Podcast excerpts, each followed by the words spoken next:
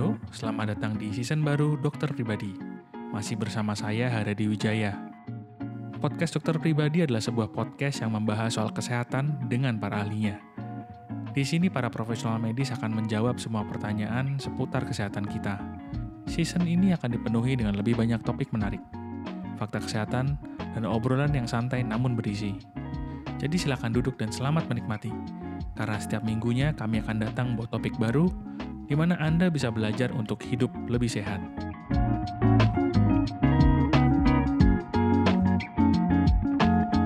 Halo pendengar, selamat datang di podcast Dokter Pribadi. Kembali bersama saya Haradi Wijaya. Jika di sesi yang lalu kita sudah berbincang bersama Dokter Cahyo mengenai salah satu penyakit yang paling banyak mengancam pria, yaitu penyakit pembesaran kelenjar prostat. Di sesi kali ini kita ngomong soal penyakit yang bukan hanya mengancam, tapi ternyata pembunuh nomor satu wanita di Indonesia, yaitu kanker leher rahim atau lebih sering dikenal dengan kanker serviks. Nah, kita pengen kenal nih sebenarnya apa sih yang terjadi? Kok bisa segitu banyaknya orang kena dan sampai sampai menjadi pembunuh nomor satu? Dan dengar-dengar ini kanker serviks ini sebenarnya sudah sangat bisa dicegah melalui vaksin. Nah, untuk lebih jelasnya kita sudah ditemani oleh Dr. Fanya Vanessa, ginekolog dari Rumah Sakit Sumber Waras Cirebon. Halo, selamat malam Dr. Fanya. Halo, malam. Uh, bagaimana kabarnya nih Dr. Fanya? Ya, baik-baik untuk saat ini baik. Baik ya, masih masih tetap praktek ya dok di rumah sakit ini? Masih, cuma ini udah pulang kok. Jadi di di sesi yang lalu kita tuh sempat ngobrol itu masalah pembesaran prostat gitu kan. Nah, okay. kita di sesi ini pengen ngobrol dari si wanita kan juga menurut kami di dokter pribadi juga punya satu ancaman yang cukup berat ya di all di Indonesia yaitu masalah kanker leher rahim. Kalau boleh tahu nih dok, bener nggak kalau kanker leher rahim ini salah satu penyakit yang paling mematikan diderita oleh wanita di Indonesia? Ya betul. Oke, ini kalau uh, yang pernah saya tahu ya, hmm. ini kalau di Indonesia itu sendiri, menurut Kementerian Kesehatan uh, eh, RI hmm. itu uh, kanker serviks itu setiap tahunnya itu paling enggak ada 15 ribu lah satu tahun sekali itu terdeteksi kanker serviks dan yang bisa bisa dibilang sebagai pembunuh nomor satu di di Indonesia. 15 ribu itu yang terdeteksi ya dok ya? Iya, tiap tahunnya. Tiap tahunnya. Oke, oke, banyak banyak banget sih itu. Uh, yang terjadi di di kanker serviks, kanker leher rahim ini tuh sebenarnya tuh apa sih dok yang terjadi? Kok bisa orang sampai kena kanker serviks gitu? Ya oke, okay. sebenarnya kanker mulut rahim itu sendiri kan penyebab utamanya hmm. itu kan HPV ya, human papilloma virus. Hmm. Uh, virus biasanya dia penularannya itu karena adanya hubungan seksual. Hmm. Itu paling sering ya. Jadi nggak semua memang. Hmm. Uh, banyak penelitian lain kan sekarang lagi berkembang juga penelitian tetap hmm. dikembangkan terus. Hmm. Tapi memang paling utama karena hubungan seksual. Hmm.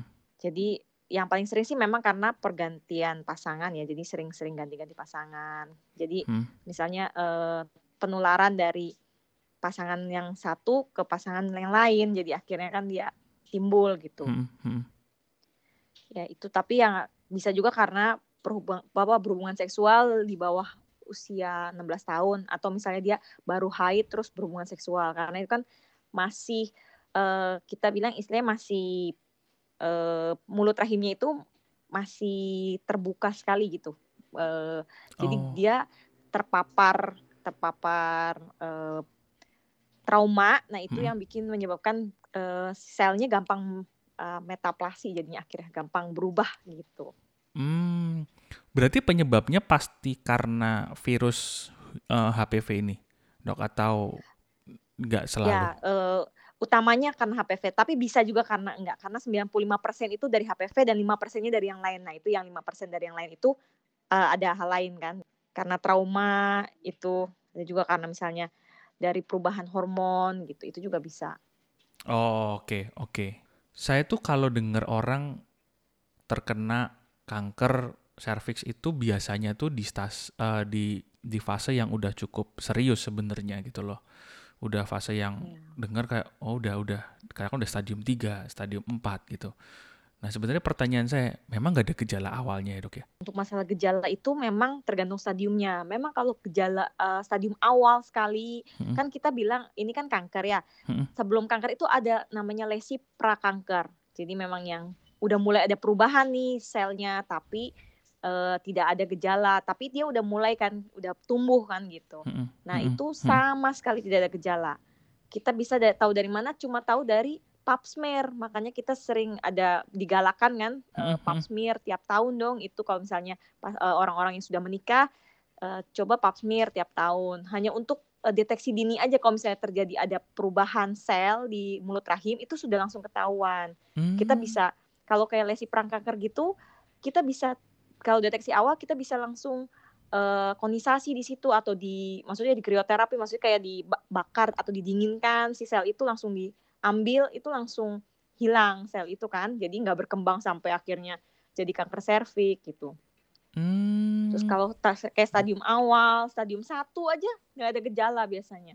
Dia biasanya cuma ada bin, titik satu dan dia itu kan titik itu masih proses kan. Jadi belum ada perdarahan belum pada apa-apa gitu. Biasanya kalau udah ada perdarahan begitu itu rata-rata udah udah ada udah mungkin udah stadium tiga biasanya. Kita suka ketemu stadium 2, stadium 3 itu udah ada perdarahan. Udah ada sedangkan stadium 2, stadium 3 itu dia udah udah lumayan menyebar, udah sampai ke dinding-dinding panggul dan itu udah pengobatannya udah kita udah nggak bisa operasi, udah nggak ya udah nggak bisa angkat, ya hmm. harus uh, kemoterapi terus disertai radiasi begitu. Jadi memang istilahnya memberi uh, ada gejala yang cukup serius itu memang sudah di fase yang cukup udah cukup tinggi biasanya stadiumnya. Iya. Uh, uh, uh, di di awal memang saya baru ingat ya ada ada anjuran untuk ya tiap tahun wanita tuh harus pap smear mengecek. Ya, untuk yang sudah menikah ya uh, kita sih saranin mm -hmm, pap smear. Mm -hmm. Berarti sebenarnya pencegahannya sebenarnya dengan dengan dengan ngecek itu kan, Dok? Uh, ya, untuk kalau yang belum menikah pencegahannya vaksin sih. Ada vaksinnya kan soalnya. Oh iya, sekarang udah ada vaksinnya ya. Udah berapa lama sih dok? Kayaknya udah cukup lama ya sebenarnya ini ya. Udah cukup lama dia, udah ada puluhan tahun deh kayaknya sudah ada. Nah pertanyaannya yang perlu menerima tuh siapa dong kalau gitu? Kapan orang uh, seorang wanita bisa menerima vaksin ini? Jadi vaksin itu kita sudah anjurkan sejak sedini mungkin ya. Uh, biasanya kita anjurkan dari umur 9 tahun anak-anak. Dari umur 9 sampai 13 tahun. Dan gak cuma perempuan, laki-laki juga boleh divaksin. Oh, 9 sampai 13 itu biasanya kalau anak perempuan SD kan biasanya. SD ya. Sebelum iya. mereka menstruasi berarti itu. Iya, itu boleh sebelum uh, sebelum menstruasi atau sudah menstruasi juga nggak masalah. Intinya dari umur segitu udah boleh divaksin sampai wanita rep, apa uh, usia reproduktif itu hmm. boleh divaksin. Pada uh, kita pencegahan biasanya ada dua kan untuk yang belum menikah kita hmm. biasanya vaksin. Hmm. Vaksin sekarang juga di Indonesia udah udah masuk ada dua hmm. ada yang dua strain ada yang empat strain hmm. sebenarnya ada tiga satu lagi ada yang sembilan strain hmm. cuma di Indonesia belum masuk hmm. Hmm. Uh, kita biasanya anjurkan vaksin untuk yang belum menikah tapi yang sudah menikah pun kita boleh vaksin asal dia pap smear dulu kita yakinkan dulu memang tidak ada tidak ada apa-apa maksudnya normal si uh, mulut rahimnya baru kita vaksin nggak apa-apa. Oh. Boleh untuk yang sudah menikah juga. Memang kenapa dok kalau kalau istilahnya uh, ada masalah di mulut rahimnya, kenapa dia tidak boleh divaksin?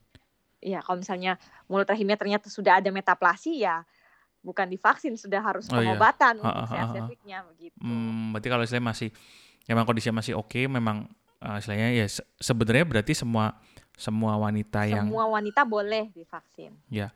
Istilahnya. Nah, tapi tadi info yang menarik, Dok. Kok pria juga boleh, Dok? Atau malah mungkin sebaiknya juga divaksin, Dok?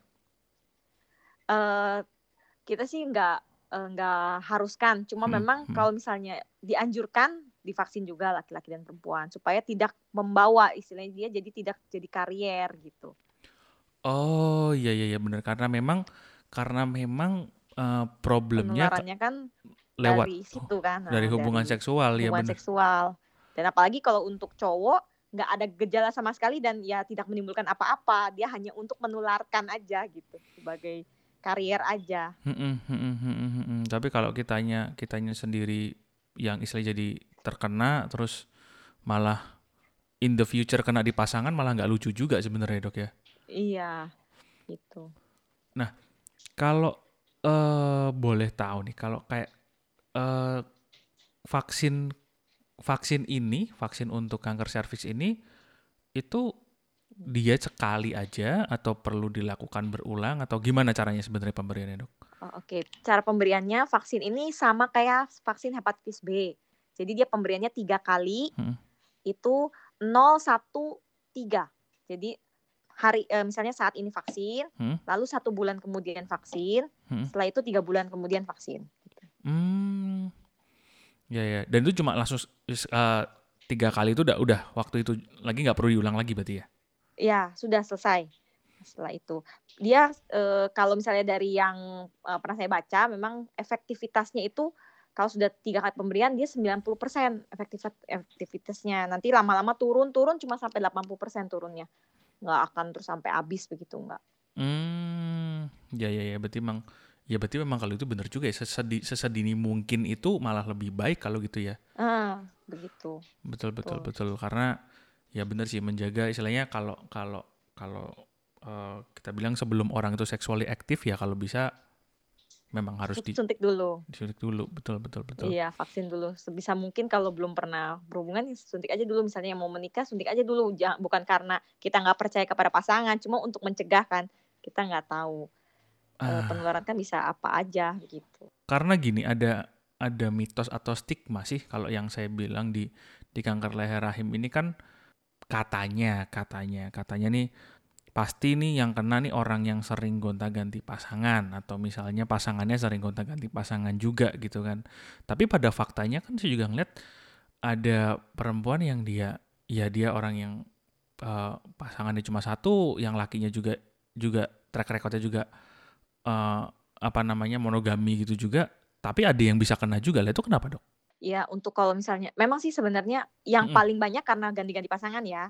Kalau misalnya ada yang misalnya satu-satu pasangan hmm. aja setia tapi kena, ya itu bisa dari faktor lain. Misalnya dia ada juga kan karena ada beberapa penelitian yang bilang kontrasepsi oral hmm. juga suka bikin metaplasi hmm. pada uh, mulut rahim. Jadi hmm. ada perubahan di mulut rahim bisa juga atau seksualnya misalnya dia berhubungan maksudnya misalnya menikah muda, usia muda di bawah 16 tahun hmm. atau masih muda gitu baru haid umur 14 tahun apa 15 tahunnya hmm. menikah itu juga bisa bisa juga kan karena metaplasi juga bisa karena hmm. Uh, hmm. trauma juga kan yang tadi saya bilang atau misalnya merokok merokok juga kan bisa bikin karena kan merokok kan uh, ada ini ya ada efek uh, efek hmm. kayak teratogenik gitu untuk uh, ke arah hmm. kanker itu bisa bisa menyebabkan okay. gitu cuma nggak selalu memang jarang kasusnya memang paling jarang apa lebih lebih sering paling sering itu ya karena hubungan seksual hmm, karena karena iya karena penularan virus virus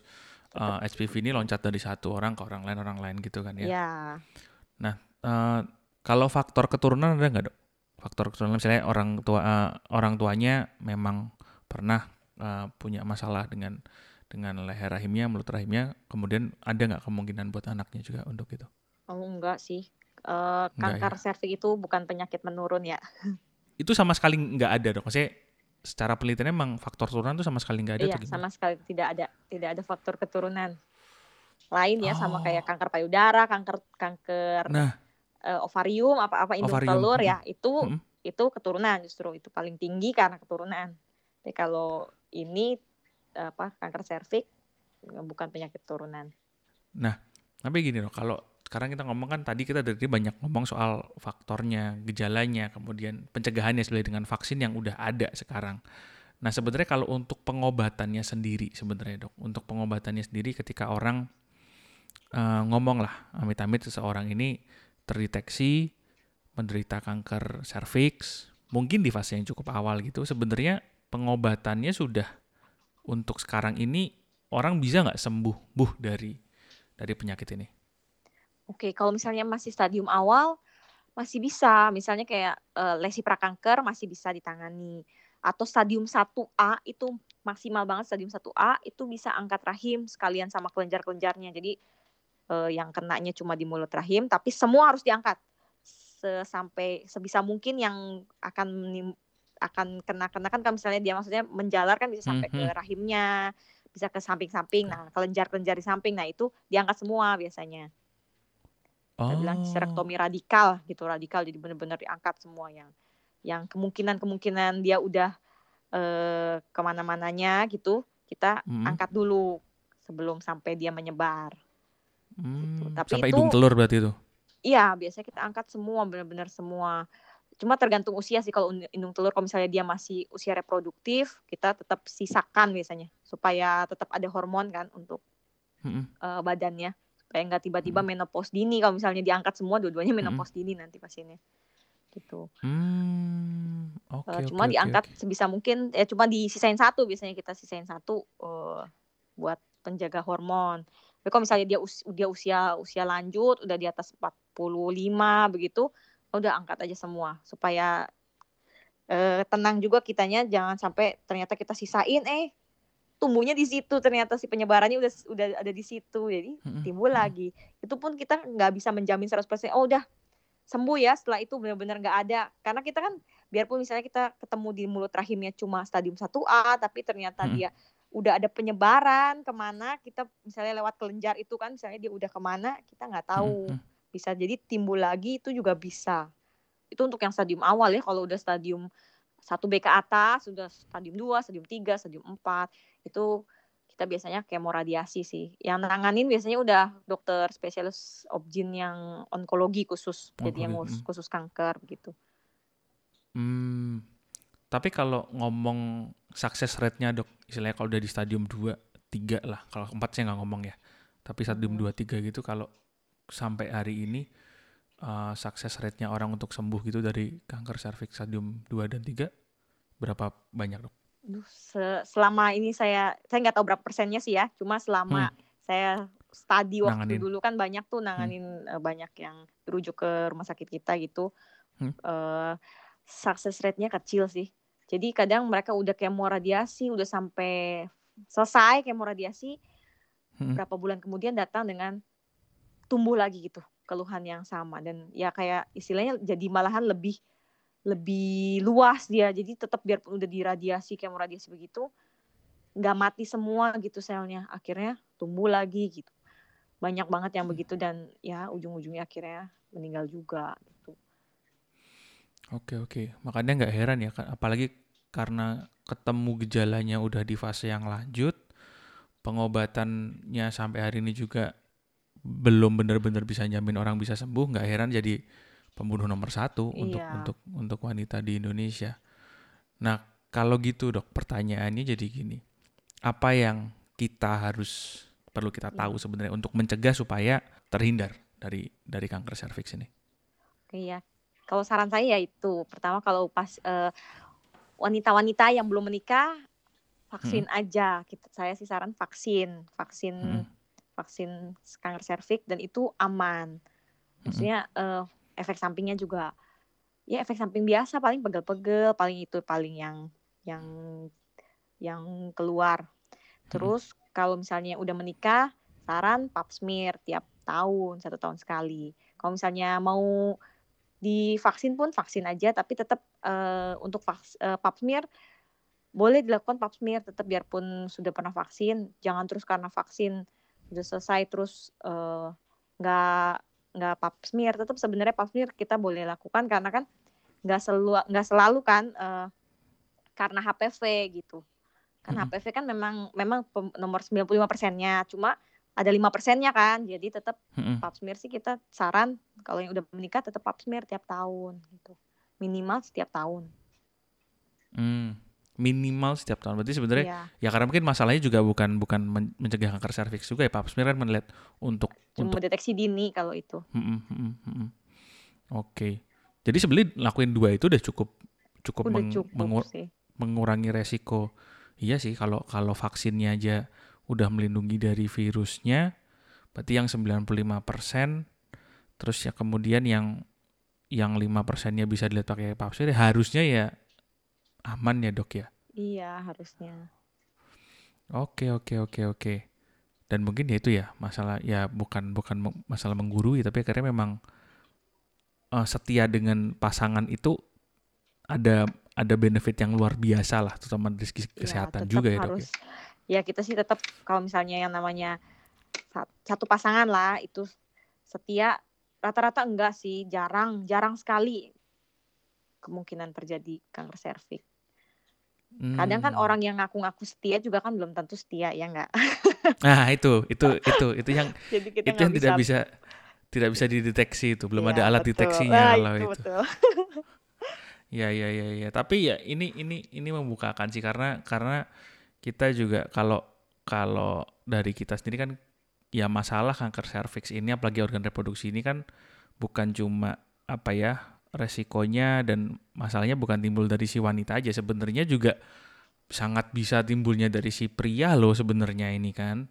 Iya. Uh, uh, justru dan, lebih sering biasanya cowok yang bawa. Kan kadang nah. perempuan sih cuma ya saya mah ibu rumah tangga. Ya lah selakinya ternyata supir truk atau apa misalnya. Itu kan dia jajan-jajan iya. nggak -jajan tahu si istrinya. Itu banyak sih yang terjadi gitu. Oh iya iya betul betul betul istilahnya benar ya karena ini kanker leher rahim ya number one killer oh, ya, wanita di Indonesia, Indonesia untuk saat ini. Yang untuk saat ini yang ternyata sangat bisa untuk dicegah teman-teman semua.